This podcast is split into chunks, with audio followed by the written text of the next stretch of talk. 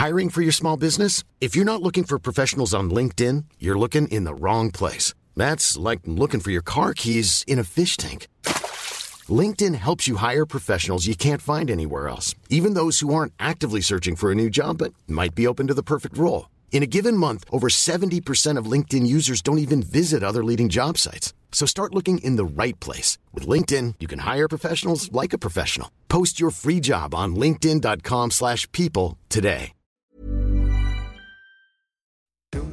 Ajax doet precies wat je van ze verwacht. Een slordig Feyenoord imponeert niet en PSV is nog steeds op zoek naar een meevoetballende keeper. Verder zit Gijs samen met de technische staf van Vitesse in quarantaine en boort de KNVB FC Emmen een half miljoen euro door de neus.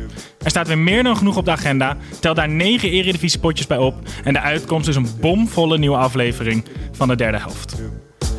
Voorin hebben ze vier kooiboys. Keuze tussen A of B. Maar soms als C het goed doet, kan B naar eh, C en dan kan eh, eh, D weer op A. Zachtere voeten, zo noem ik het altijd tegen mezelf. Geld maakt niet gelukkig. Maar gelukkig heb ik geld.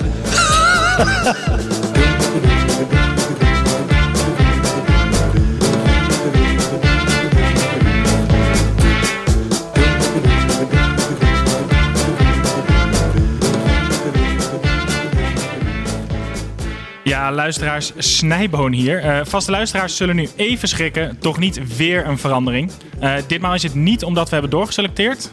Maar we zijn erachter gekomen dat corona echt nergens rekening mee houdt. De huisgenoot van Gijs is besmet. En ondanks dat onze presentator zelf geen klachten heeft... moet hij wel netjes 10 dagen op de bank zitten, voetbal kijken... en zijn Scorito-team tot in de puntjes voorbereiden.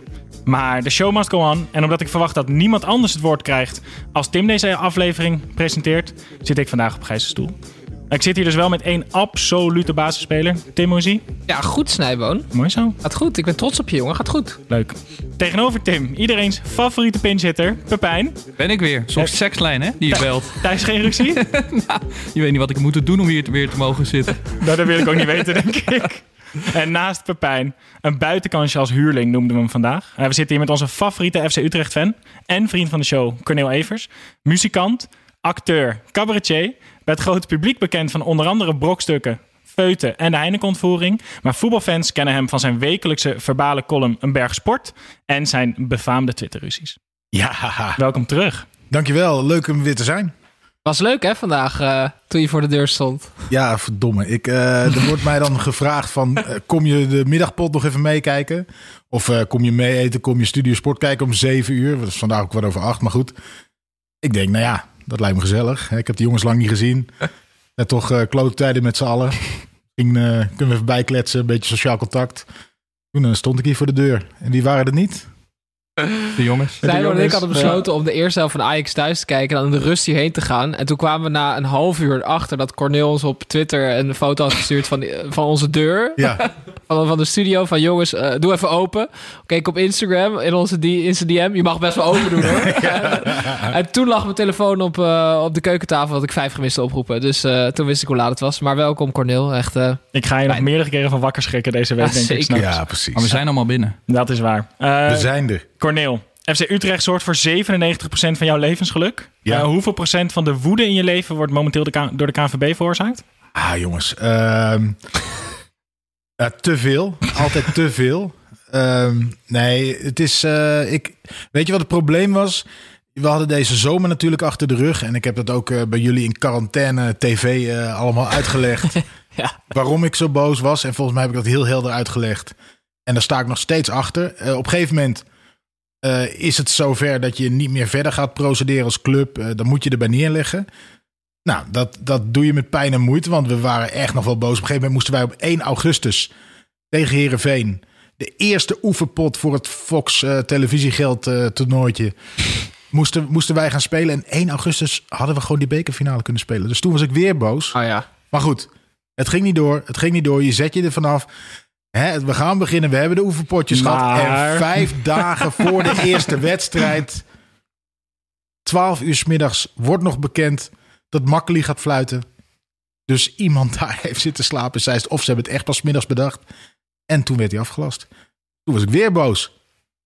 Maar goed, we hebben nu... Vermoeiend eh, lijkt me. Maar de Nee. bal rolt ook van FC Utrecht weer. En Hij dat moet een weer. fijn gevoel zijn. Eh, Tim, nog even naar jou. Ja. Ehm, vorige, vorige week een oproep gedaan voor onze Scorito-competitie. Geen windeieren. Hey, uitstekend. 236 deelnemers. Leuk. Doe mee waren er de- net 237. Is er iemand uitgestapt? Oh, dat zou kunnen, ja. Nee, 237 dan, want ik heb dit vanmiddag opgeschreven. De derde helft podcast heet de competitie van Scorito. Eh, iedereen kan nog meedoen, want de laagste twee speelrondes worden gewist. Van de de laagste eerste vier. punten van de eerste vier. Dus dan zou ik je nu voor de volgende speelronde zou ik dan lekker erbij komen. Volgens mij kost het 5 euro als je er definitief bij wil. Maar eh, ja, de eerste drie zullen wel in de prijzen vallen. We gaan nog even bedenken wat dat gaat zijn. En er was iemand op Instagram, Timo Monnik, en die wilde heel graag genoemd worden, want hij is nog nooit in de podcast genoemd. En eh, hij had een deal met ons gemaakt dat als hij meer punten zou halen in deze speelronde dan drie van ons, dat ik hem dan zou noemen. Maar als hij minder zou hebben, dan zou hij ons op Instagram promoten. Maar Mhm. ik weet niet hoeveel punten hij heeft gehad, maar bij deze wel. Dus we genoemd. hopen nu gewoon dat het allebei gebeurt. Ja, precies. Ook, mag, mag ik ook nog iemand noemen? Jazeker. Ik, eh, ik had van de week had ik de eerste. Ik heb kinderen en mijn eh, oudste zoontje is negen. En die zit in groep zes. En eh, toen had ik eh, de eerste ouderavond. Als in het, eh het 10 minuten gesprek. Het, het vroeg. En het gaat nu via, eh, via Zoom of via. Oh ja. En eh, toen kwam meester Tim. Die, eh, die kwam voorbij. En die zei. Want Axel, mijn zoontje, die moest erbij zijn. Die zei: Axel, maar ik had toch al gezegd dat ik je vader wel eens gehoord had. Dat ik wel wist wie dat was. Ik denk, Jezus, wat gênant. maar eh, toen denk ik, nou, ik ben benieuwd eh, waar die me allemaal gehoord heeft. Ja, want eh, ja, ik, ik luister altijd naar de derde helft podcast. Ah, heel goed. Dat zei hij. Dus meester Tim, bij deze, het was niet heel gênant hoor. Wel een beetje. maar maar eh, nou, hartstikke leuk dat je luistert. Is het Tim? Meester Tim, shout-out. fitting. Eh, Pepijn, voordat we met de wedstrijd beginnen. eh, wij zagen jou pas eh, vanavond. Zat jij vanmiddag toevallig met de grootste familie van Nederland in de Kuip, of niet? Met mijn kameraden hand in hand, Ja? bedoel je? Nee, ik, eh, ik heb het wel gezien. Ja, ik, het, het waard blijkbaar niet rond eh, als je de Kuip binnenstapt. Want, Ze waren er wel bijna allemaal. Ongelooflijk. Behalve ja, jij. echt absurd. Maar de, de- de- dat is zo heel makkelijk om te zeggen. Ze verpesten het voor de rest. Maar ze verpesten het wel echt voor de verpesten het wel voor de rest. Want dit gaat natuurlijk niet. eh, dit blijft niet goed gaan. Nou was het bij PSV natuurlijk ook al aan de hand. En dit, je hoort Ja, overal maar daar was het bij het juichen. Hè? Ik had Ja. het idee bij Feyenoord dat daar niet eens wat was geregeld. Nee, nee het, was echt, eh, het was eigenlijk wel echt gênant. Helemaal in de situatie waarin je nu zit. Het loopt allemaal weer op. Iedereen is toch weer meer op zijn hoede. Een soort wake-up call hebben we, hebben we gehad. eh, Je kan zomaar week. je presentator verliezen eraan. Nou, Ja, ik wat dacht, je, maar dacht je van zeggen. Dick Advocaat? Over risicogroepen gesproken. Ja, nee, maar eh, ja, ik ben benieuwd wat de consequenties gaan zijn. Maar het was niet, eh, het was niet chic in ieder geval. Maar het is Geen toch ook zo dat ze hadden gezegd... je mag niet juichen en zo. Dat was toch ook... En niet zingen. Ja, maar dat gebeurt toch ook allemaal? ja, maar maar daarvan hebben ze al wel gezegd van heel veel burgemeesters ook van ja, daar kunnen we niet, Nee. dat, dat kunnen we niet checken of dat kunnen we niet, eh hoe heet dat, opgaan. eh Op zich kan je wel zien als er acht mensen naast elkaar zitten. Toch? Nee, precies. Maar wat, gaan ze, wat, ja, wat ga je dan nu van die plastic dingetjes tussen die stoeltjes stoeltje. zetten of zo? Van die kubussen waar je in moet gaan zitten Ja. dan. Ja, lijkt mij de beste optie. Maar ze gaan natuurlijk financieel helemaal nat, die clubs, op eh, geen toeschouwers erop. Dus je, je benadeelt ook gewoon je eigen club ermee. Want als ze ook al gaan ze terugschalen, nu dat de helft van wat er nu zit nog maar binnen mag. Nou, ik vond het bijzonder dat in, eh, bij FC Utrecht mag er eh, straks 4000 man supporters naar binnen. En als je dan kijkt dat Rotterdam is een van de regio's waar de grootste uitbraken zijn. Mhm. En daar zat, wat zat er, 13.500? Ja, nou is dat natuurlijk een grote stadion. Maar volgens mij hebben ze ook echt wel dichter op elkaar gezet. Het was niet... Ja. eh, zit ook in het metrootje richting, eh, richting Zuid. We gaan het eh, volgende week allemaal zien. We gaan ons nu eerst bezighouden met het voetbal. En zoals altijd beginnen wij met de koploper. Daar zijn wij nou eenmaal aan begonnen, dus daar houden we ons aan. Dus gaan wij eerst naar Fortuna Sittard tegen Herenveen. Dat werd 1-3. Eh, we beginnen bij Herenveen dus. Ondanks een busrit van 4 uur had Herenveen aan een toverachtig eerste half uur genoeg om Fortuna een jantje te geven. Eh, de twee veermannetjes gidsen de Vriezen naar de drie punten. Aangezien de Limburgers daar maar één schamel doelpuntje tegenover konden zetten. Tim, hoe kan het dat er na een werkelijk dramatische voorbereiding ineens zo rooskleurig gevoetbald wordt bij Heerenveen? Nou ja, de selectie is gewoon heel anders. Dus ze hebben inderdaad echt een dramatische voorbereiding gehad. Volgens mij hebben ze zelfs niks gewonnen. Maar het fijne bij een club als Herenveen, dus een middenmotor in de Eredivisie, als je een speler zoals Ejuke verkoopt voor 12 miljoen, dan opent dat zoveel deuren. Dus ze hadden een best wel matige selectie, maar Ejuke is weggegaan en daarvoor hebben ze onder andere teruggehaald eh, Van Hekken, een centrale verdediger, Henk Veerman, een spits, die Batista Meijer, een buitenspeler van, eh, of aanvallende middenvelder van Bayern München, en die, eh, en die Poolse centrale verdediger. Allemaal, ja. ja, leuk.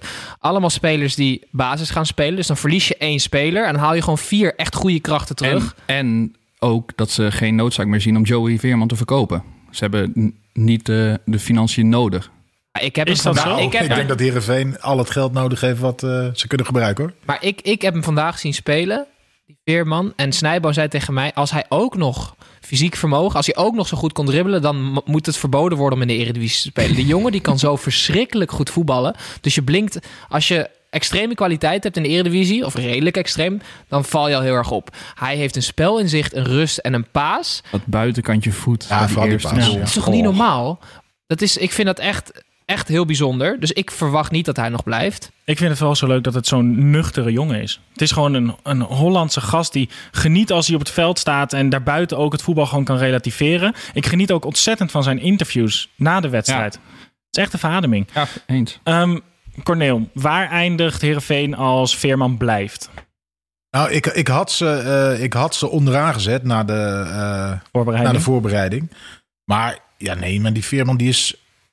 Dat kost ze drie plekken op de ranglijst als die blijft of niet. Want die is echt... eh, hij maakt het elftal. Ja.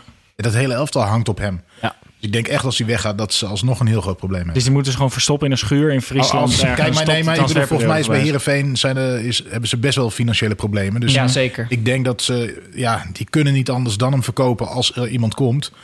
Als er niemand komt, dan zou het voor de uitslag uiteindelijk wel echt heel veel uitmaken. Maar dit is, oh, heb je het voor over 15 miljoen plus, denk ik, hoe die nu speelt. Nou, die, die paas die hij al gaf, dat was. Toch? Want het, een paas van buitencategorie. 15 want het ging toen, Ja. Feyenoord die wilde hem hebben begin dit jaar. Eh, toen hebben ze uiteindelijk Antonucci genomen, omdat ze hem niet konden betalen. En toen ging het volgens mij over 7 miljoen, 8 miljoen. Dat is nu niet minder. Koopje geweest, was dat. Ja, Heerenveen moet hem eh, gaan bewaren. We laten Nee, maar ook 7, 8 miljoen kunnen ze niet afslaan nu, denk ik. Nee, da- daar ben ik dus nee, ook bang denk je voor. dat ja? Nee, ik denk Nee. het echt niet. Laten we hopen dat ze het wel af kunnen slaan. Dat hij lekker in de Eredivisie blijft voetballen. Wij gaan door naar de volgende wedstrijd. Dat is Ajax tegen RKC. Dat werd 3-0. Eh, dit is een wedstrijd waarvan je tegen beter weten in hoopt dat die anders loopt. Ajax spant zich niet overmatig in. Wint wel 3-0. Goals van Tadic, Labiat en Martinez. Die goals zorgden misschien nog voor een kleine glimlach op het gelaat van de supporters. Eh Corneel, wij hebben dit eh, dus gedeeltelijk samen gekeken. Ja. Heb jij genoten van de instelling van de Ajaxide? Nee, ik, ik, ik vond het echt, het was, het was een soort trainingspotje. Die, die eh, middenvelden die op een gegeven moment ook twee, drie rondjes om iemand heen liepen. Daardoor Kudus. een hakje op het middenveld. Terwijl je gewoon... Nee, maar we weten allemaal na vorig seizoen dat, een, dat het doelsaldo kan echt bepalend gaan zijn op het, e- wanneer het misschien gestopt gaat, Ja. worden. Dat hebben we, is een keiharde les geweest. En dan gaan ze ja, een soort leuk eh, pleintjesvoetbal doen met z'n allen. Ik vind het, ik vind het eh, ook naar de supporters die zich volgens mij daar ingelopen moeten hebben om die Ja. wedstrijd bij te wonen. Mhm. Dan heb je dus al RKC gelood. Dus dan ben je al een beetje een verliezer Ja. van de rest van de potjes die je krijgt. En dan krijg je ook nog eens een, een elftal wat op 70% max op een gegeven moment die pot gaat spelen. Terwijl ze tegen het team, ze kunnen gewoon daar 8-9-0 van maken. Zoals wij hadden het erover, een Bayern wel Zoals een Bayern, kan. dat hadden ze- Die spelen tegen Schalke. Die Dat hadden tegen goed Schalke. geen moment van het gaspedaal en die winnen 8-0. Ja, dit hadden zij ook kunnen doen. En het waren ze hun publiek echt, echt verplicht. Dus ik vond het echt best wel een eh, kutpot om te kijken. Pepijn is dan de andere kant daarvan dat het wel voor de supporters misschien heel veel vertrouwen moet geven dat er op 70, 80 procent zoveel potentieel in voetbal in die ploeg zit. RKC lijkt me dat logisch. Dus dat is niet dat je denkt van... oh, hier putten we even vertrouwen uit... want we winnen op het gemakkie 3-0 van RKC. Dat, dat lijkt me dat je dat vooraf wel kan eh, invullen... dat Ajax dat lukt. Het zou me juist vertrouwen geven als ze de mentaliteit hadden... om tegen zo'n club er ook gewoon met 8-0 overheen te walsen. Dat vind ik professionaliteit uitstralen. Dit is eigenlijk gewoon jammer. En Tim, dan nog eventjes. ehm, we hadden het net over Joey Veerman. Dan hebben we het over 6, 7, misschien 10 miljoen als ze mazzel hebben. Ehm Serginho Dest is momenteel de tweede rechtsback van Ajax. En die staat op de nominatie om voor 20, 25 miljoen naar Bayern of Barcelona te vertrekken. Eh, kan hij dat aan en is hij het waard? Ehm, allebei eh, niet, denk ik. Nee. Kijk, Bayern heeft ook niemand nodig. Ik snap ook niet echt waar die interesse vandaan komt. Die jongen heeft, wat zou het zijn, 30 wedstrijden gespeeld voor Ajax. Ajax vaart nu zo wel op zo'n krankzinnig zieke reputatie wat nergens op slaat. Dat is een jongen die, hij is fit, hij is vinnig, hij maakt heel veel fouten, hij is technisch. Ja, waarom... Ik snap dat gewoon niet zo goed. Ajax heeft zoveel geluk. Als, zo, als Dest bij Feyenoord had gespeeld, dan had hij, was hij voor 3 miljoen naar Bratislava gegaan. denk ik. Ja, maar dat is echt zo, ja. Ja, ik, Ja, ik, ik, ik snap daar snap gewoon niet heel veel van. Ik wil het wel nog even over Labiat hebben. Mag dat ook? Dat mag, ja. Want ik, ik dacht dat er een vloek op hem rustte. Dus hij heeft eh, na, na twee jaar, volgens mij speelt hij al twee jaar bij Ajax. Eh, totale grijze muis, onzichtbaar, eh, dus af en toe invallen. Speelt hij deze voorbereiding op een plek die niet zijn eigen plek is, namelijk spits. Ging hem heel goed af in het, in het nieuwe systeem. Ik, ik vind hem wat dynamischer dan Tadic en daardoor ook wat interessanter om, eh, om, om in het spelsysteem te zetten. Ehm, mocht hij eindelijk in de baas beginnen vorige week tegen Sparta. En dan krijgt eh, Nico Taliafico krijgt rood en dan wordt het Labiat eraf gehaald. Eh, en toen, toen zag ik het alweer gebeuren. Oké, nou, einde verhaal. Ehm, vandaag mocht hij weer beginnen. Oké, terecht. Leuk voor hem. Tweede kans. Scoort hij een best wel eh, mooie goal. Mhm. Afgekeurd door de Ja. VAR. Ik denk, Ja. kut, dan gaan we weer. Uiteindelijk maakt hij hem gelukkig wel. Eh, Hij viel op eh, bij, mij, bij mij, omdat hij maakte steeds als spits een loopactie in de 16. En dan gaf hij hem steeds voor, in plaats Ja. van dat hij ging schieten. Dat vond ik wel een soort van trademark-achtige... Hij, hij heeft de loopacties van een nummer 10. Ja, Maar wel de doelgerichtheid van een spits. Cornel, jij kent hem van zijn tijd bij Utrecht. Daar was hij, daar was hij geniaal in het laatste jaar dat hij daar Ja, speelde. zeker. Heeft hij Ook het in vaak, zich spits, om... ook vaak spits trouwens. Ja, heeft hij het in zich om onbetwiste basisspeler van dit Ajax te worden? Ja, dat denk ik wel. ja? Ja, want ja, ik zou niet weten. eh, ik, is er een meer complete speler daar in de voorhoede?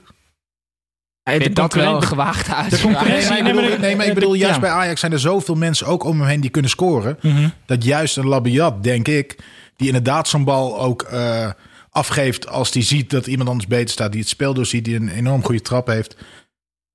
Ik zou eigenlijk niet weten waarom die niet... eh, Is zijn probleem dat hij dan concurrentie heeft, bijvoorbeeld op de flank ook van spelers die allemaal gewoon 20 miljoen dan kosten? Een Anthony, maar ook een Tadic die veel verdient. En, en, Neres. En misschien ook mensen die heel specifiek alleen op die plek heel goed zijn. En, en daardoor dat je denkt van ja, maar hij kan dat en dat ook. Dat hij makkelijker een Ja, zijn wisselspeler kracht is. is ook zijn makken. Ja, wellicht. Ben Ja, jij team en- Labiat? Wat zeg je? Ben jij team Labiat? Ik word wel steeds meer team Labiat, omdat ik steeds minder team Tadic word. Ik word zo moe van die gast.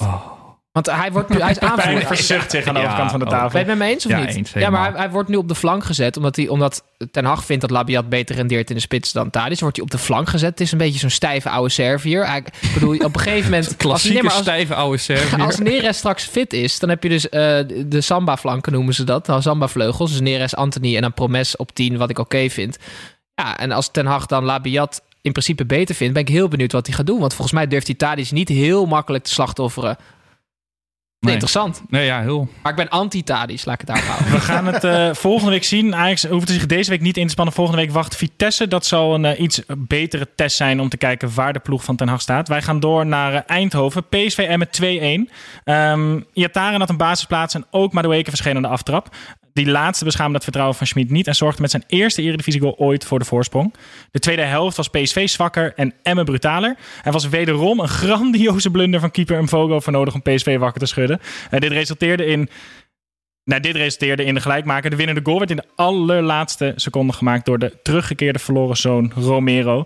Tim, wie was er blij met die goal van Romero? Was dat Romero zelf of Mvogo? Dat was Romero zelf, want eh, doelpunten van Romero bij PSV zijn schaarser dan fouten van Mvogo in de goal. Nee, eh, Hoe ja, raar dit ook is, dit is waar. Ja, dit is feitelijk is dit waar. Ja. Tijbo, je hebt vorige week gezegd, het is het, het allerkutste als je, als je als Roger Smit die haalt een keeper uit Duitsland, terwijl PSV nou niet echt moeite had met keepers. Ze hadden gewoon drie hartstikke goede keepers, waarvan Oenerstal misschien wel de beste lijnkeeper is. Onder, het, onder de term meevoetballende keeper komt iemand uit Duitsland. Maakt in de eerste wedstrijd is het allerkutste wat je kan overkomen is een ketser. Ja. Dan denk je van, oké, best kut, spanning. Zo zal de eerste wedstrijd zijn. Tweede wedstrijd, ketser. Nou ja, hij heeft nu Oh. in twee weken als meevoetballende keeper laten zien dat hij niet kan pasen en niet kan aannemen. En hij laat, wat wat- mij betreft, wel in Maar die kan hij dan momenten... misschien serieus dribbelen of zo? Nee, maar die momenten ertussenin laat hij dus wel zien dat hij op de lijn Ja. supergoed is. Dus ze hebben per ongeluk een hele excentrieke Nee. lijnkeeper gekocht. of gehuurd. Ja, maar dat is precies niet wat ze nodig hadden dus. Nee. Toch? Er speelt eh, meer bij PSV. Eh, Sam Lammers met zijn eenjarige contract vertrekt voor eh 10 miljoen inclusief bonussen naar Atalanta. En daar wordt voor teruggehaald Sahavi, een 33-jarige die uit eh, China terugkeert en ongeveer 2,5 miljoen gaat verdienen. Corneel, leg mij dit even uit alsjeblieft, want ik, ik ben een beetje verloren hierin. Ja, ik kan dat ook niet uitleggen. Ja, gewoon kapitaalvernietiging, denk ik toch? Totaal. Ja, maar je, je, je- Maar ik vind het ook jullie jammer. kennen Zahavi allebei niet. Nee, maar gewoon... Nee, maar dan Jij kan doet- jij doet nu- 33, oh ja, oké. Nee, maar- 33 die gaat ja. het geld nooit, nooit meer opleveren. Als hij 50 keer scoort wel. en ze daardoor Ja. kampioen worden en Champions ja, League halen. wel, ja. Maar dan moet de keeper er ook 50 tegenhouden. Ja, Maar ik dat vind het ook wel jammer, Sam, dat hij dat hij vertrekt Ja. voor de Eredivisie. Ik Ja, had iets het best meer- wel willen zien. Iets meer context daarin. Lammers die had een mondeling akkoord om bij te tekenen bij PSV. Maar er was nog geen handtekening gezet. PSV ging ervan uit dat dat allemaal wel goed kwam. Nu bleek dat het niet goed kwam. En dan heeft hij opeens nog maar een jaar resterend. En moet je hem dus verkopen. Is Atalanta een logische ploeg voor hem, Pepijn?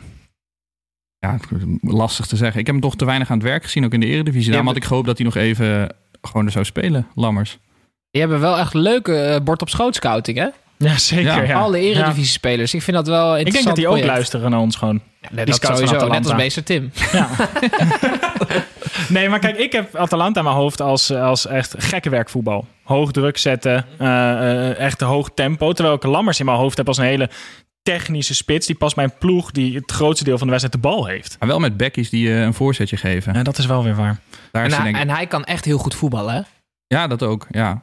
Hij was vroeger ook vaak tien of buitenspeler. Dus hij is wel compleet. Alleen inderdaad, fysiek in, eh, in het voetbal wat Atalanta speelt, weet ik niet zo goed. Maar het is wel een interessante stap.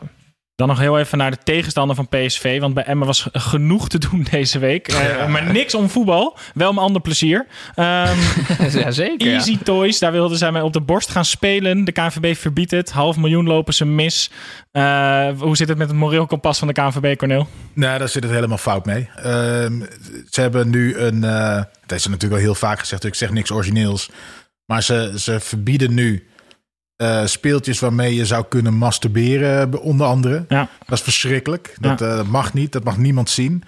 Eh, ze gaan straks naar een toernooi in Qatar. Ze eh, vinden Heineken geen probleem. Ze vinden een gokpartner geen probleem.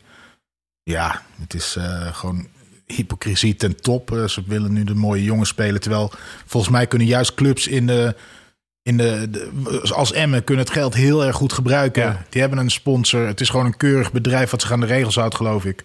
En het Als het taboe, nou- als het het nou taboe di- op seksspeeltjes wordt ook groter daardoor. Dat is ook... Ik Ja, zou precies. vooral zo Ik graag de ik andere kant van het verhaal willen zien. Want je hebt dan, jij speelt met die, met die sponsor op je borst. Maar andersom wordt er ook altijd worden de dingen van de spelers verwacht. Weet je wel? Die moeten dan dingen doen voor de sponsor, weet je wel. Dus je, eh, je rijdt allemaal in de, in de autosponsor van de club. Moet je dan ook, ben je gebonden aan dat merk seksspeeltjes als bidons speler? in de vorm van dildo's. Ja, dat, ja dat, maar ook dat Anko Jansen dat er dan zijn huis wordt binnengevallen om te kijken of hij wel echt Easy Toy speeltjes Ja, gebruikt. Maar niet, je kan niet nu van wel die hele Durex. Tribune, al die plekken die je niet bezet, een opblaaspop neerzetten. Die dan toch al juichend en met de mond open. Het ziet er maar wel en de plekken uit. die wel bezet met een dildo. maar ik had het wel gesnapt als het dikkepikken.nl was geweest. Want dan straal je naar die kinderen die, die kijken. Maar Easy Toys klinkt ook gewoon leuk. En leuk Ja, maar juist gewoon. misschien die kinderen die dan naar Easy Toys gaan voor speeltjes. Andere speeltjes. Ja, precies. Ja, maar hoeveel, hoeveel kinderen ken jij die überhaupt ooit een shirt sponsor hebben Geen antwoord geven. Hier is geen goed antwoord op. Nee, maar luister, Easy Toys die lacht zich rot natuurlijk. Ja, want je, kunt, hebben meer, ja. je kunt een heel seizoen Emmen eh, dat op zijn shirt zetten. En die hebben nu op elke zender, elk programma Ja, heeft top. erover gehad. Die gasten die lachen zich helemaal Ja. de lul. Het, eh, het voelt alsof dit al een buitenspelletje was, maar we gaan nu officieel eh, ons even met de dingen Kevin buiten het spel buiten het bezighouden. spel Ik hoor je niet voor half. Zeg nog eens. Oké, Edwin, Edwin, buitenspel. Ja, en dan eh, normaal, ik hoef eigenlijk nu geen buitenspelletje mee te nemen zelf, maar eh, ik wilde dat toch wel eventjes doen, want wij zijn afgelopen week benaderd door Wouter van Nieuwland. En Wouter van Nieuwland is de maker van het liedje eh, Ik ben Willy en gij René.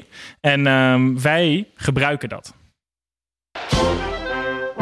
Wie ben jij? Ja, ik ben Willy. En jij René.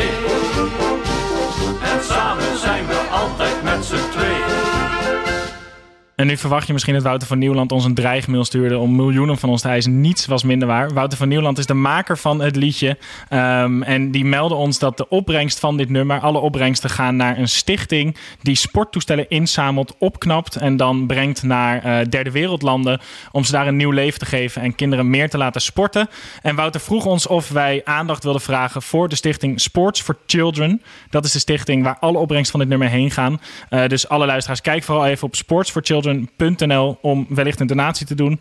Tim, laat die euro voor die euroknaller van de Mackie lekker, la- laat die gewoon liggen een Ja, keertje. goed. Ja, laat die, die kipnuggets een keer liggen en doneer dat aan sportsforchildren.nl. Mooi. Leuk. Aardig wil, van je, je. wil je ook nog mijn buitenspel horen of niet? Eh, nee, eerst die van Pepijn. Oké. Oh, nou leuk. Ehm, ja. Nee, eh, SC eh, Ripdorf uit, eh, uit Duitsland, die hadden een wedstrijd eh, op het programma staan eh, deze week. Maar ehm, ze zaten in een incubatietijd, dus ze moesten eigenlijk in eh, quarantaine. Maar die wedstrijd eh, die kon niet meer afgezegd worden. Dus ze moesten wel opdraven, maar wel met de in acht nemen van, eh, van de twee meter afstandsregel. Dus die hebben op twee meter afstand van elkaar op dat veld gestaan. Die konden niet echt te veel bewegen. Hoeveel is het geworden, denken jullie? Ja, 38-0 of zo. Ik denk 37 0 inderdaad. Goed gegokt. Ja. Goed gegokt. Maar ik, maar ik vind het nog meevallen eigenlijk, 37-0. Dus ze dekken op 2 Ongelooflijk. meter. Ja. Beetje RKC. Nou, en daar, daar, en daar wordt het maar 3-0. Ja. Bizar. Corneel, heb jij niets mee voor ons? Nee, ik, ik, ik, eh, je overviel me een beetje. Ja. Ik kan wel vertellen dat de laatste keer toen ik hier zat... toen vertelde ik dat ik een plaat aan het maken was met mijn band. The Guides heet dat. Dus ga naar Spotify en luister onze laatste plaat. Hij heet De Voetbal EP. Hè, zoals ik al gemeld heb, omdat het over voetbal gaat en het is een EP. En eh, dat zijn drie nummers. En als je van gitaar houdt, je gaat helemaal uit je dak. Wie Corneels muzieksmaak een beetje kent, die weet nu dat het, eh, dat het echt hele harde muziek is. Wij zetten hem even in de beschrijving, dan kunnen mensen makkelijk doorklikken. Aardig van je. Nou, zo zijn we dan ook alweer. We laten je een half uurtje wachten, maar als je bent, ja, toch? Precies. Tim, kom maar jongen. Eh Cornel, ik heb even je hulp nodig. Oh. Want eh, ik doe altijd heel erg mijn best op ons Instagram-kanaal. En eh, we zijn geblokkeerd door El Giro Elia. Echt waar? Serieus? Zeker weten. Maar wat heb je gedaan dan? Ik heb, dat weet ik niet. Maar misschien zinnen de rubriekjes hem niet. Maar ik heb niet dat ik weet dat ik hem ooit belachelijk heb gemaakt of iets. Heb jij het gerucht de wereld in geholpen dat hij een miljoen tekengeld... Ja, precies, eh, dat was ik. Nou is Nee, Corneel- nee. Ja, Cor- maar hij heeft echt ons geblokkeerd, ja. Corneel, jij bent niet onbekend met een, eh, met een, met een blok hier en daar. Zowel krijgen als uitdelen volgens mij op, op Twitter. Ja. En wat, eh, kan jij een goed woordje voor ons doen bij El Giro? Dat je- Als ik hem tegenkom, dan ga ik zeker eh, zeggen van... jongen, ik begrijp je helemaal. Ik zit daar ook altijd. eh. Ze laten me een half uur wachten. Laat Tuurlijk, hebben jullie. El ooit laten wachten? Oh, dit houdt dit je wakker, Tim? Eh, nee, maar ik vind wel... eh, ik voel me ook wel vereerd dat El Giro Elia aandacht aan ons Maar besteedt. was dat in één keer? Nee, niet dus. Nee, geen aandacht. Nee, ja, ik wilde hem taggen in een bericht. Eh, waarin ik allemaal... Nee, nee, nee. Ik wilde hem taggen in een bericht, dat kon niet. Toen ging ik opzoeken en heeft hij ons inderdaad geblokkeerd. Ik weet- Ik weet echt, mijn god niet waarom. Een goede reden hebben. Als je iets hoort, eh, laat het ons Ja, weten. ik eh, ga hem zeker aanspreken. Maar gaan we door naar het voetbal. Vitesse-Sparta werd 2-0. Zo ongeveer de hele technische staf van Vitesse kon de jaarlijkse Airborne-wedstrijd niet bijwonen. Uh, Geon Stel nam Tanane de 1-0 voor zijn rekening door middel van een straaljager van een vrije trap. Uh, na een ongelukkige rode kaart voor Heilen in de eerste helft en wederom zeer matig keeperswerk van Van Leer werd het uiteindelijk een 2-0 overwinning voor Vitesse.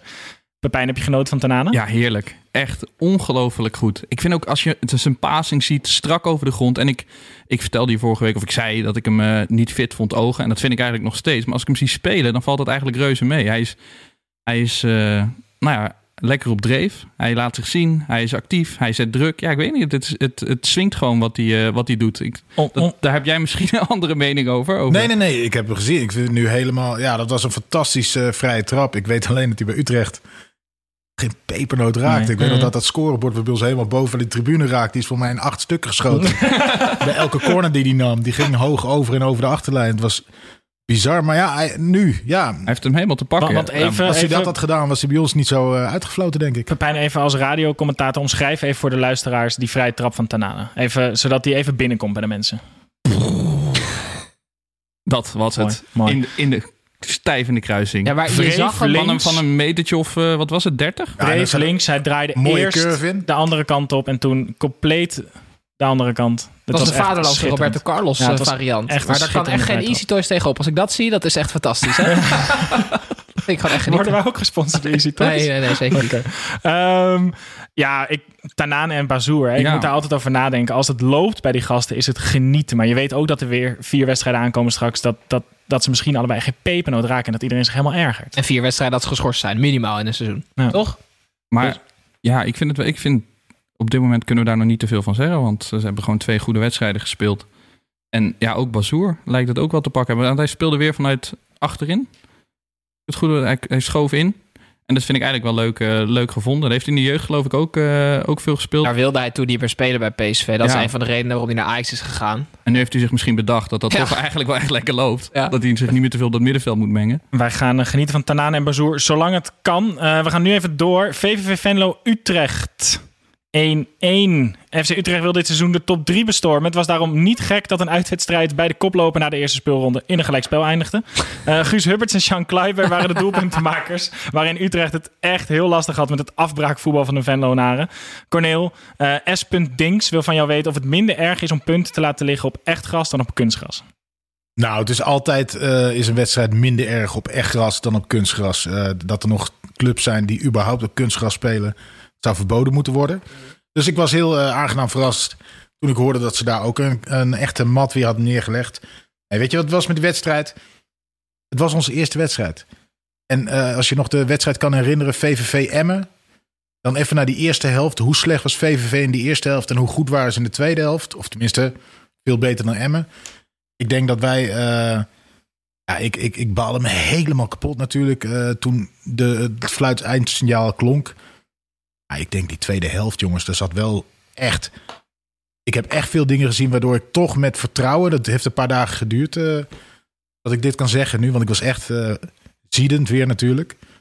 Maar ik, ik heb echt dingen gezien waarvan ik denk van jongens, als je, als je, als je kerk nou eens kon houden. En dat die Is blijft. die kans er? Mm, ik, ja, heel lastig. Ik denk dat het heel. Het, het is echt zo dat hij niet weg hoeft financieel. Maar FC Utrecht is natuurlijk een middenmotor. Ons budget is niet te vergelijkbaar met de PSV, Ajax, uh, AZ. Dus ja, als er iemand met een echt goed bod komt, dan gaat hij. Moet je ook dat uitstralen als club aan spelers? Dat je wel, want Utrecht is voor veel spelers, voor veel goede talenten, zal het een springplank zijn.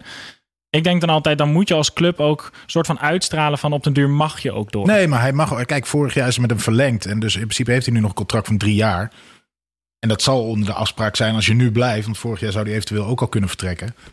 Dan, um, dan, dan tekenen wij je contract bij. Krijgt hij misschien wat extra loon, weet ik niet. En dan mag je op een gegeven moment gaan voor dat en dat bedrag. Dus ik denk wel dat ze daar een goede afspraak over hebben die wij niet weten. En ja, hij zou op een gegeven moment moeten gaan. Maar dit is wel een jaar met een selectie ook kan zeggen van jongen, als je het nu kan laten zien, dit wil erbij zijn. Ja, maar ik vind ook dat Utrecht het nu echt uitstraalt, weet je. Dus niet alleen de aankopen die ze doen, maar bijvoorbeeld deze week hebben ze die Silla gehaald, die spits. En dan hebben ze een Instagram filmpje gemaakt met voetbalmanager, wat ik altijd hartstikke leuk vind. Maar dan koketteren ze er ook mee van we hebben een wonderkind binnengehaald, weet je wel. Terwijl heel veel clubs bij nieuwe aankoop zijn ze heel terughoudend en zeggen ja, we moeten het nog zien. En uh, gewennen. Anthony voor 20 miljoen aangekocht. Ja, laten we even een half jaar wennen, zeggen ze bij Ajax, weet je wel. Oké, okay, dan hadden wel zo'n mooi muziekje voor hem gemaakt. Leuk, leuk, ja. Maar uh, het is eigenlijk niet des uh, subtopclubs dat ze zo met de borst vooruit zichzelf presenteren. Nee, maar ik, ik, ik sprak bij ons in het programma Jordi Zuidam. Mm. En als die praat over de transfervrije spelers, want ze zijn allemaal transfervrij die ja, hij binnen heeft gehaald. Ook voor de neus van andere clubs weg, die, die, die mensen heel Laten graag we er even kort doorheen lopen. Uh, Silla, Mahi, Mahi, Elia. Elia. Wat hebben we nog meer? Arzani is natuurlijk gehuurd. Arzani ja. is gehuurd, een groot Australisch uh, talent van de Hoogma, Manchester City groep. Hoogma wil nog een jaar blijven, dat Ja. is ook echt wel een verrassing. En die Lotti of zo van de Paris Saint-Germain? of- Lotin, ja, die speelt in, in- nu in eerste instantie in Jong. Een Warmerdam hadden we natuurlijk al gehad. Ja. IJsje. Kijk, het- doel was, zeiden ze altijd, om de selectie bij elkaar te houden. Mhm. Dat is gelukt. En je hebt allemaal versterking gehaald. Ja. Dus ehm, Want dan gaan we door naar dat thema inderdaad. De, de aanval op de top 3. Zo, Ja. werd, zo werd het gebombardeerd begin van dit seizoen. ja, Frans van Zeumeren zei, eh, de dag dat wij, 1 juli was dat, eh, bestonden we 50 jaar. Was er een grote Fox special die helemaal over FC Utrecht ging. Frans van Zeumeren zat aan tafel. En die zei, we gaan de top 3 aanvallen. En ik denk dat dat... eh, Fysiek bedoelt hij dan?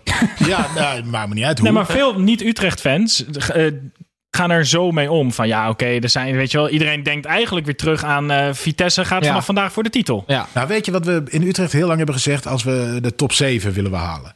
En toen bleek dat we eigenlijk al eh, een paar jaar lang vierde, vijfde, zesde. Dan heb je dat al, dat heb je al binnen. Wat moet je dan? Je moet die, lat hoger leggen. En Ja. ik, ik zou ook eigenlijk niet weten waarom. AZ eh, was vorig jaar heel goed. Hier is het er gelukt. Ik denk dat wij daar ook tussen kunnen komen. En dan is dit even een 1-1. Ja, geflatteerd, mag ik wel Mhm. zeggen, volgens Mm, mij. mag, Zeker als je de tweede helft ziet. Ja, eh, ik zou niet weten waarom het die mensen niet moeilijk kunnen maken. Ik zeg niet dat we eerst tweede of derde worden, maar we kunnen ze het wel echt moeilijk gaan maken. Ja. Het is on-Nederlands en daarom vind ik het heel leuk. Ja. De echte ambitie. En, en ik heb het hier vaker met jou over eigenlijk elke keer als ik je zie. Ja.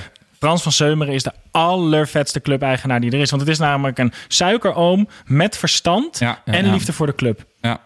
Ja, dat vooral. Dat laatste vooral. Dus hij zal nooit iets doen eh, waar hij zelf alleen maar beter van wordt. En eh, ja, nee, dit, fijn. Het is zo'n fijne man. Het is een hele normale supporter met heel veel geld. ja, Het gaat helemaal goed komen met Utrecht, Tim. Succes Hey, dit seizoen. Mag ik nog heel veel iets over VVV zeggen ook? Eh, heel kort. Jakumakis, buitenkant recht. Leuke rechts, voorzet. Assist. Ja. En Guus Hupperts Ja. is ook weer terug. Dat vond ik, ik vond dat een heel leuke goal. eh, vooral die voorzet was fantastisch. Ja, Kamakis laat, eh, laat twee weken op rij zien dat hij heel goed kan voetballen. En eh, dat, dat... Hoe ging het met zijn blessure? Want hij ging er wel af. Weet ik niet. Nee, dat weet ik nog niet. Wij gaan door. En wij gaan niet zomaar door. Wij gaan door naar de wedstrijd van de week. Hey, ja, la, la, la, la, la, la, la, la, la. De wedstrijd van de week, van, van de week, wedstrijd van de week. Ja, in de Kuip zagen ongeveer 100.000 mensen Twente uit de startblokken schieten. Eh Czerny scoorde voor het eerst sinds lange tijd weer eens in de eredivisie. En uiteraard trok Steven Berghuis de stand gelijk. Al had hij daar wel twee penalties voor nodig. Ondanks enorme kansen voor Feyenoord in de laatste minuut bleef het bij 1-1. Ehm Pepijn, jij was vorige week vol lof over Twente. Ja, dit is een beetje een klassieke vraag. Waren ze vandaag nou zo goed of was Feyenoord nou zo matig? Nou, het was echt zo'n wedstrijd die Feyenoord dan zou winnen. Weet je wel, die ze de afgelopen 22 wedstrijden steeds, eh, steeds binnenhaalden. Maar dat gebeurde, dat gebeurde vandaag niet. Had nog wel gekund in de laatste minuten. Maar ik denk dat de FC Twente het eh, redelijk voor elkaar heeft. Ik moet wel even mijn excuses maken. Want ik heb nogal veel druk gelegd, denk ik, op eh, Oosterwolde vorige week. Door mijn loftrompet eh, op te steken over die jongen. Het was wat uh, het van. wat blijkt, nee. Hij was wat druistig vandaag. Maar gewoon lekker laten staan, zo'n jongen. Dat komt, eh, dat komt wel helemaal goed. Maar die, was een beetje, die kwam een beetje ongelukkig, eh, ongelukkig over. Maar voor de rest, eh denk dat Twente het aardig voor elkaar heeft. Feyenoord, ja... pff, er zat niet heel erg veel in, eh, vond ik. In één, in één woord? Gezapig. Gezapig. Ik had slordig in mijn hoofd. Want die kregen geen vier pases aan elkaar geregen. nee, maar ook de de Rotterdammers. tempo, joh. Poef. Hoezo, hoezo zit Toornstra op de bank ook? Vorige week kon ik het wel begrijpen. Deze week vond ik eh, Diemers niet goed spelen. Halve- Tim, jij halve riep, jij, kuipvrees, jij riep na vijf minuten riep jij halve kuipvrees. Ja. Nou, later hebben we gezien dat het gewoon hele kuipvrees was wel. Nou ja, ik vond Diemers vorige week echt goed spelen. En eh, de advocaat die heeft ook deze week gezegd dat hij Diemers wat verder vond dan Toornstra. Nou, dat vind ik altijd heel eerlijk hoe hij dat altijd Ja, zegt. ja, ja. Ehm, Maar iedereen werd zo'n beetje gewisseld hè, die op de bank zat. ja. Iedereen kwam erin. Ja, dat, dat, dan is hij blijkbaar gewoon niet echt fan van Toornstra. Dat is de enige echte goede reden. Maar Ja. ik vind het wel om een wedstrijd binnen te halen. Op de manier waarop Feyenoord dat de afgelopen half jaar, jaar heeft gedaan. Vind ik juist Toornstra daar wel uitermate geschikt voor. Dat is wel Ja. een speler die een wedstrijd over de streep kan trekken. Dus daarom snapte ik niet helemaal dat hij hem niet... eh, En Geertruiden had eruit gemoeten, hè? Tackeltje. Ja. Was je Was het rood? Rood. Ja, we gaan het straks nog uitgebreid over de VAR hebben. Ik ben wel benieuwd bij jullie allemaal. Eh, Steven Berghuis mist een eerste penalty. Ja. Krijgt gelijk nog een penalty. Zou je hem nemen of niet, Tim? Ik zou die eerste al niet nemen. En die tweede wel. ja, Pepijn, jij bent voormalig profspits. Ja, ik nam ze ook niet hoor. Nee? nee ik, ja, ik Was vind- jij niet zo'n spits die ze gewoon altijd wilde nemen omdat je dan nee, meer ja, goals had? laten we in de jeugd wel en zo. Maar ik, kwam, eh, ik was een jong jongetje. Dan is het... eh, Jij liet Henk Vos met zich als aanvoerder Jordi Zuidam, eh, dan Ja. durf je niet. Nee. Nee. Ehm, nee, ja, ik vind gewoon nemen. Ik vind het altijd zo... eh, gewoon lekker cool zijn. Dan ben je er ook gelijk weer vanaf. Kijk, als je hem niet neemt en je geeft hem... en die ander geeft de volgende weg... en die ander maakt hem wel... dan komt er de volgende keer nog meer druk op te liggen. Want dan kan je het in één keer niet meer. Gewoon nemen. Corneel? Bij, waar, waar speelde jij ook alweer vroeger? Je hebt het net gezegd. Ik heb PH in Almelo heb ik Ja, alleen maar PH. Almelo. Ja, ja. Was je daar vast de penalty nemen? Nee, nee, nee, nee, nee. Ik stond daar eh, op een gegeven moment eh, vast op goal. Omdat ik niet kon voetballen. Nee, maar ik, ik, tuurlijk moet hij hem nemen. Gewoon je taak en meestal raak je ze. En hij kan het toch ook gewoon goed. Hij deed het wel precies ook zoals je het moet doen. Vol overtuiging, andere hoek, gewoon Misschien net iets meer frustratie erin. Ja. Ja. Gaat het ook nooit meer over die gemiste. Eigen- nee, maar eigenlijk zou het nog eh, verrassender zijn als je hem exact op dezelfde manier in dezelfde hoek neemt. Dat verwacht de Rommel echt niet, toch? Ja, of die tweede Panenka. Daar zat ik aan te denken toen hij ja, daar stond. Want Berghuis heeft er het vertrouwen voor. Drommel heeft wel echt, echt een topwedstrijd gekiept. Ja, mag ook wel een keer Ik vind hem echt een goede keeper. Waar, ook. ehm, ik had het hier vandaag met Tim over. Ik zei toen dat eh, ik denk dat het een zegen is voor Drommel eh, dat Twente toen gedegradeerd is. Want in dat eerste jaar Eredivisie kreeg hij best wel op zijn bordje. Eh, drie jaar daarvoor was hij volgens mij nog rechtsbuiten bij de amateurs. En nu Ja, was hij profkeeper in de? Eredivisie. Ehm, en toen heeft hij een jaar in de Super League gespeeld. En daar heeft hij zich ongelooflijk ontwikkeld. Eigenlijk van het moment dat hij terug is, is het een enorm talentvolle keeper gebleken. Ook op de Eredivisie meevoetballende niveau. keeper die PSV nodig had. Ja, goed, maar Letterlijk, hè? lang, sterk, vol zelfvertrouwen, echt nog jong. Ik ben niet altijd fan. Vandaag was hij wel echt heel goed. Nou, ik, vind hem, ik vind hem wel echt goed. En ik denk dat AZ voor hem een leuke volgende club zou zijn als Bizot eh, vertrekt. Leuk. Leuk. Moeten we ons zorgen maken om Feyenoord?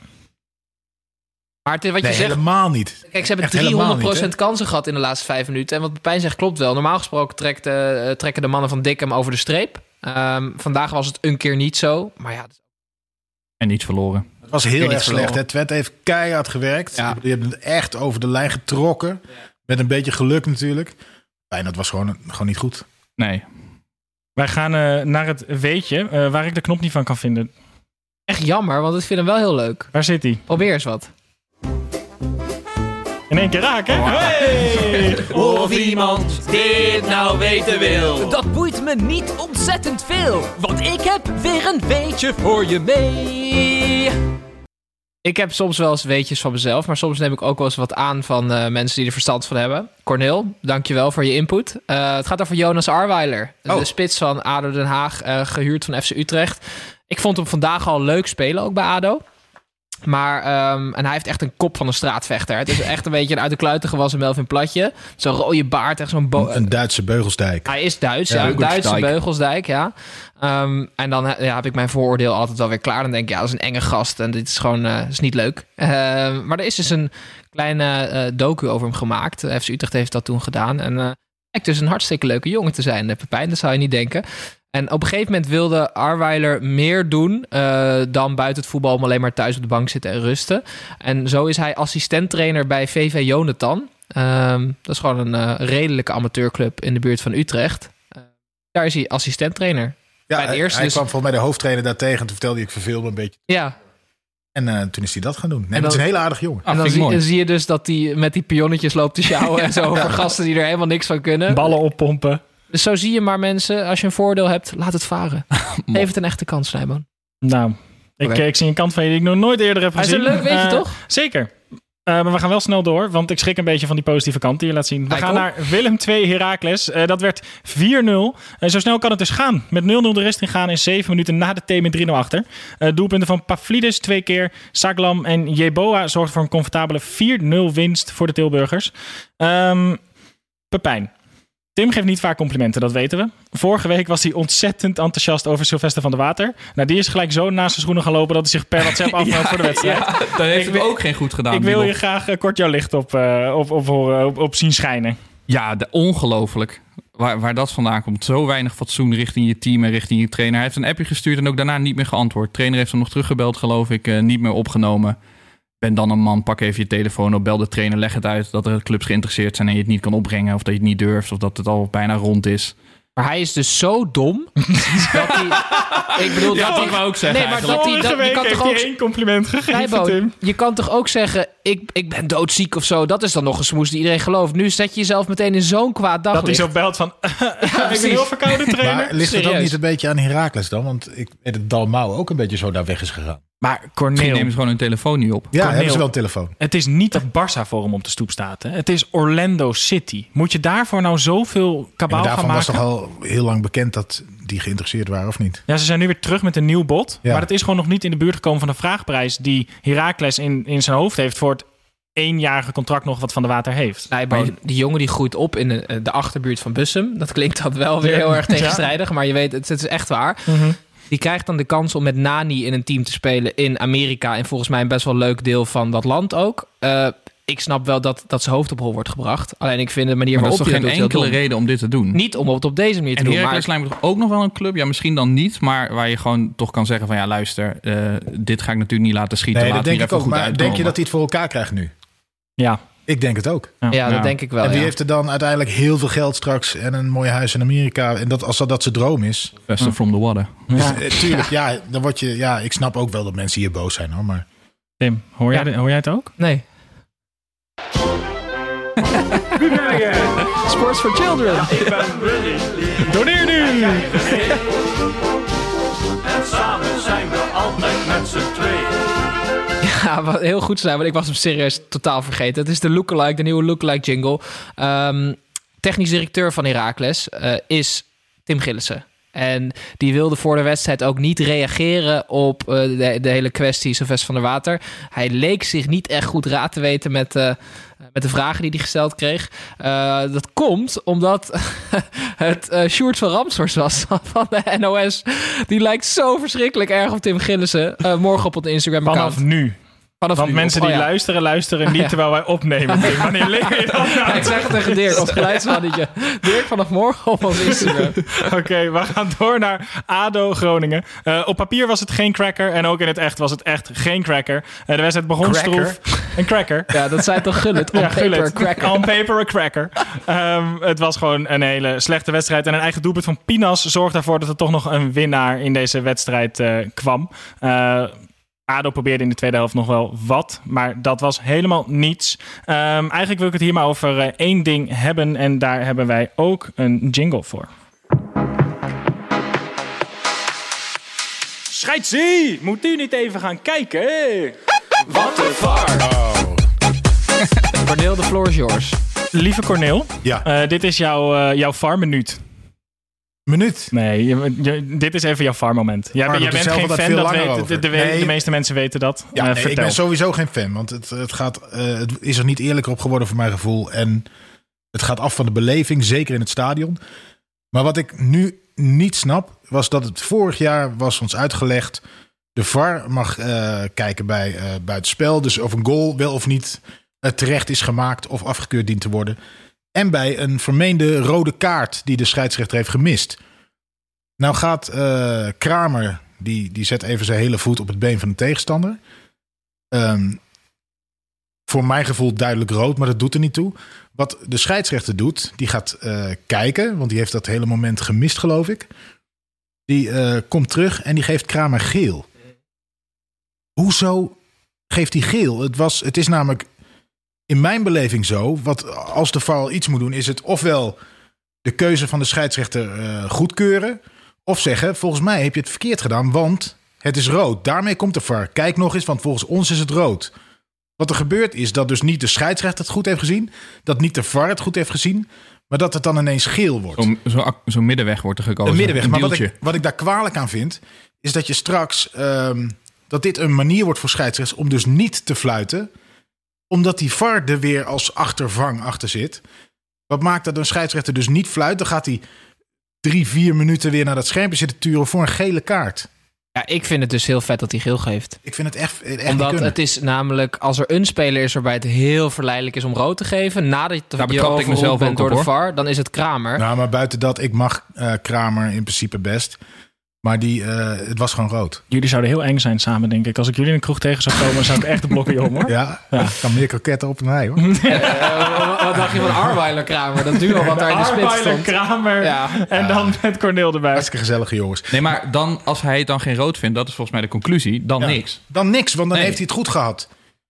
De VAR die komt, voor mij betreft, en ik, ze moet helemaal niet komen, maar als ze dan komen, is het van je hebt het verkeerd gezien, want het was rood volgens ons. Ja. Kom kijken. En dan gaat hij kijken en dan is- hij het niet eens met de VAR. Maar dan moet waarom zou je zijn. dan niet als scheidsrechter, als je, want dan heb je de kans om het nog een keer te zien. Waarom mag je dat niet is- je is eigen niet- eerdere mening herzien? Omdat Nee, maar je dat denkt dat het wel geel is. Dat is dus niet hoe de regel momenteel is ingericht. Dus eigenlijk hoe zij, de, hoe zij dit nu hebben ja, maar het mag dus blijkbaar wel, Snijbo. Ja, maar dan ga je het. straks een buitenspel terugkijken en denk je, oh, hij geeft ook nog een duwtje. Het is buiten, buitenspel Ja, ook nog een geel kaartje, want die zag ik ook net niet. Het is, het, is, het is natuurlijk al verschrikkelijk dat er niet gewoon aanvraagmomenten zijn. Dan heb je twee keer per helft eh, dat iemand gaat kijken. Eh, maar, hij mag dus de, maar nu gaat de scheidsrechter dit dus zelf gebruiken op die manier straks. Hm. Van oké, ik laat dit nu even gaan. Ik, eh, of hij seint er var in van eh, roep me even, weet ik veel wat. En dan gaan we daarna kijken. Nou, geel, niks, rood. Wat zullen we doen? Het is, Ja. nee, maar het is, zo, het is gewoon Ja. Ja. Het maakt me niet uit of het eerlijk is. Het is spelbederf. De VAR gaat ook dit jaar weer een belangrijke rol spelen. Wij gaan naar de laatste wedstrijd Oh, eh, wacht even, van dit mijn minuut weekend. Ja, je minuut is om. Ja, sorry, de ik moet heel streng inconsequentie zijn. over alle rode kaarten dit weekend is ook verschrikkelijk hè, met de VAR. Ja, Hoeveel de- noppen in schenen en hoeveel rode kaarten? Het voetbal is weer terug. Niet in verhouding. Ehm, AZ, PEC Zwolle 1-1. AZ leek de klap van de uitschakeling nog niet helemaal te boven. En PEC voetbal net vorige week verrassend makkelijk. Eh, de wedstrijd werd vroeg op zijn kop gezet door een zeldzame rode kaart voor Calvin Stengs. PEC kwam aan de leiding, AZ kwam terug. En Thomas Lam zorgde ervoor dat het weer 10-10 en 1-1 werd. Corneel, Ronald de Boer denkt dat het hoge verwachtingspatroon rond AZ ze dit, dit seizoen parten gaat spelen. Ben je het ermee eens? Ehm, nou, dat had gekund. Ik denk dat niemand nu nog een heel erg hoog verwachtingspatroon heeft. Nee, maar ze hebben zichzelf echt heel hard in de voet geschoten. En dat is eh, natuurlijk omdat ik voor FC Utrecht ben en vond dat ze die wedstrijd niet hadden moeten uitstellen. Maar volgens mij is dat echt een hele grote fout geweest. Want ze begonnen nu. eh, ze hadden die Europese wedstrijd al zonder wedstrijdritme. eh, ga je Europa in. Nou, dat heeft heel lekker gewerkt. Want Kiev, daar moet AZ in goede doen gewoon van kunnen winnen, geloof ik. Ze waren gewoon echt niet goed. Eh, ik vond ze vandaag ook eh Stenks. Ja, die had gewoon diep rood. Ook dat daar achteraf nog over gediscussieerd wordt, snap ik niet. Dat was gewoon een rode kaart. Er is ook niet voor gefloten, toch? Nee, niet. nee, maar goed, het mist dan een scheidsrechter, kan gebeuren. kaart. Maar dat was gewoon een rode kaart. Het Ja. ging me meer nu om de reacties achteraf. En dan met 10 man en slordig. Ik, ik vond het echt weinig overtuigend. Ook als je nou kijkt, Bodo die scoort die goal nog. Maar dat komt ook voor echt alleen maar omdat een pekverdediger vergeet die bal eh, echt weg te Ja. rossen. anders hadden ze gewoon verloren. Maar voor mij ziet AZ eruit als een ploeg die aan het eind van het seizoen zit. En niet aan het begin van het seizoen. Mhm. Het is uitgeblust. Ja. Ja, maar hoe dan? Ja, dat, dat, ik denk dat ze dat, dat, dat ze zich bij AZ misschien ook wel afvragen. Maar alle wedstrijden die ze tot nu toe hebben gespeeld, die ik heb gezien, krijg ik dit gevoel. Ik denk wel dat het echt wel een klap is geweest dat het ei- vorig seizoen geëindigd is. Want die gasten hebben, ik denk dat 80% van de selectie het jaar van hun leven heeft gehad. Ze hebben echt heel goed meegedaan om de titel. Het had, het had zomaar gekund. Dan gaat het om in een soort echt een nachtkaars gaat het hele seizoen uit. Helemaal opgepompt waren ze en, en, en er kwam niks, weet je wel. En dan moesten ze voorronde spelen. Nou, Kiev nu uitgeschakeld. Dus ze hebben eigenlijk, heeft alles wat, wat vorig jaar zo goed ging, is eigenlijk voor niks geweest. En ik denk dat het wel echt een, echt een hele grote teleurstelling is. Ze moeten weer helemaal op nul beginnen. Krijgt Arne Slot dit omgedraaid? Ik heb wel vertrouwen in Arne Nee, Slot. dit, dit klinkt heel erg alsof ik, alsof ik aan zijn stoelpoot zit zagen. Dat is niet zo. Maar er moet, iets, er moet iets van nieuwe energie in beetje jeu weer erin. Ja. Een, een gevoel, ja ik, ja. ik zou ook niet weten. Ik heb het geheim niet eh, voor Arne, sorry. Maar Nou, maar ik, ik, ik vind echt nogmaals, als je, eh, want het is namelijk zo, zo komen ze over. Alsof ze totaal even de weg kwijt zijn. En had ze gewoon laten beginnen, die competitie, jongens. Want de voorbereiding, nee, de voorbereiding ging niet goed. Je nog iets over de VAR ze- zeggen ook? Nee, nee, nee, maar la, laat ze spe- ik, ik denk echt dat Kiev, dat als jij daarvoor een wedstrijd hebt... Hè, en je hebt UEFA-regels, daar zat voldoende tijd tussen die twee. Dus ik snap sowieso niet waarom de KNVB weer eigen regels moet hebben. Maar dat ehm, als ze tegen Utrecht gespeeld hadden... en of ze hadden verloren of ze hadden gewonnen... Bij, als ze gewonnen hadden, hadden ze weer het goede gevoel terug. Als ze verloren hadden, hadden ze tegen Kiev van... oké, dan moeten we nu recht zetten. En nu hadden ze rust gehad. Iedereen had al gezegd, daardoor gaan jullie makkelijker winnen. Eh, het, het, psychi- het klopt niet, want je ziet op het veld dat het niet klopt. Ja. Het klopt gewoon niet. Wij eh, gaan door. eh, we gaan het zien bij AZ. Ik denk dat het wel goed komt, maar er moet wel echt iets gaan veranderen. Wij gaan nog even naar eh Beugelsdijk luisteren. Hallo fans, wie gaat er zinnen? Hier is Tom. En nou kreeg ik net al, eh, de, de vierde man stond er met zijn bord omhoog. Ehm, dus ik wil graag eindigen met de raarste vraag die ik hier ertussen zie staan. Die is er voor mij ingezet. Eh Corneel, het Tijnestijn, die wil weten of de worstenman ook ijs verkoopt. ja, dan weet je niet wat het inhoudt, Nee. deze vraag. In, in Utrecht komt al, eh, sinds dat de club bestaat, komt een worstenman met warme worst, warme worst. Komt Easy die, Toys, Easy Toys. onze eigen Easy Toys hebben we al jaren en die mag gewoon eh, lekker komen. Jullie noemen hem maar de die, die worstenman. loopt, is een wit-witte jas, oude man, loopt over de tribune. En eh, in de, de zomer, als het te warm is en niemand warme worst bij hem haalt, heeft hij eh roomijs. En dus in de, als het in de winter, als die warme worst, vraagt de hele tribune om, heb je ook ijs? En als, nou ja, en in de zomer als die met ijs komt, dan hij, heb je worst? Maar is die man er dan nu nog met corona Ja, of niet? Die zit er dan. Die oh, is... met corona? Nee, dat weet ik niet. Dat weet ik niet of die eh, nu weer komt. Want we hebben nog geen thuiswedstrijd mogen spelen. Oh, sorry Tim. Corneel. Oké, eh, we eindigen. Tim, jij hebt een vraag voor mij, heel kort. Oké, Snijboon, hoe erg ga jij Weghorst haten? Ja, omdat hij naar Spurs gaat. Ja, Eh, op een schaal dus- van 1 tot 100? Ja. wel 6 miljoen, denk ik ongeveer. Ja, ik mag. Weghorst niet als speler, ik mag Spurs niet als club. is een fantastisch huwelijk. Ik hoop dat ze degraderen. Maar Waarom mag je Spurs niet als club? Omdat ik voor Arsenal ben. Dat zeg jij, Corneel. Wat? Ja, jij haat alles behalve FC Utrecht. Ja, alles behalve FC Utrecht. Maar gaan wat met- heb jij nou met Nee, Arsenal? dan? wij gaan met de microfoons uit nog even doorvechten. Het zit er weer op. Volgende week zitten we hier Ik met onze favoriete FIFA Koen Weiland. En tot die tijd kun je ons vinden op al je podcast-apps, op Instagram en op Twitter. Corneel, dankjewel. Graag gedaan. Was fijn om je weer in het echt te zien. En eh, tot de ik kan volgende keer. volgende week niet. Fijne avond.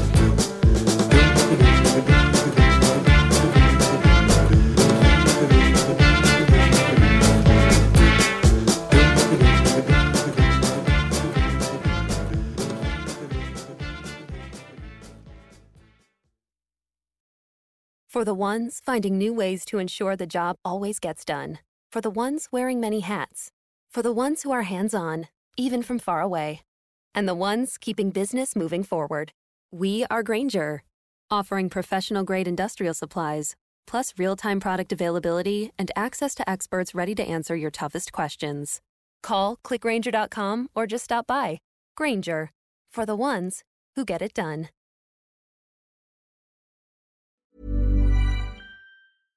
Hey, it's Paige DeSorbo from Giggly Squad. High quality fashion without the price tag? Say hello to Quince. I'm snagging high end essentials like cozy cashmere sweaters, sleek leather jackets, fine jewelry, and so much more. With Quince being 50 to 80% less than similar brands. And they partner with factories that prioritize safe, ethical, and responsible manufacturing. I love that. Luxury quality within reach. Go to quince.com slash style to get free shipping and 365 day returns on your next order. Quince.com slash style.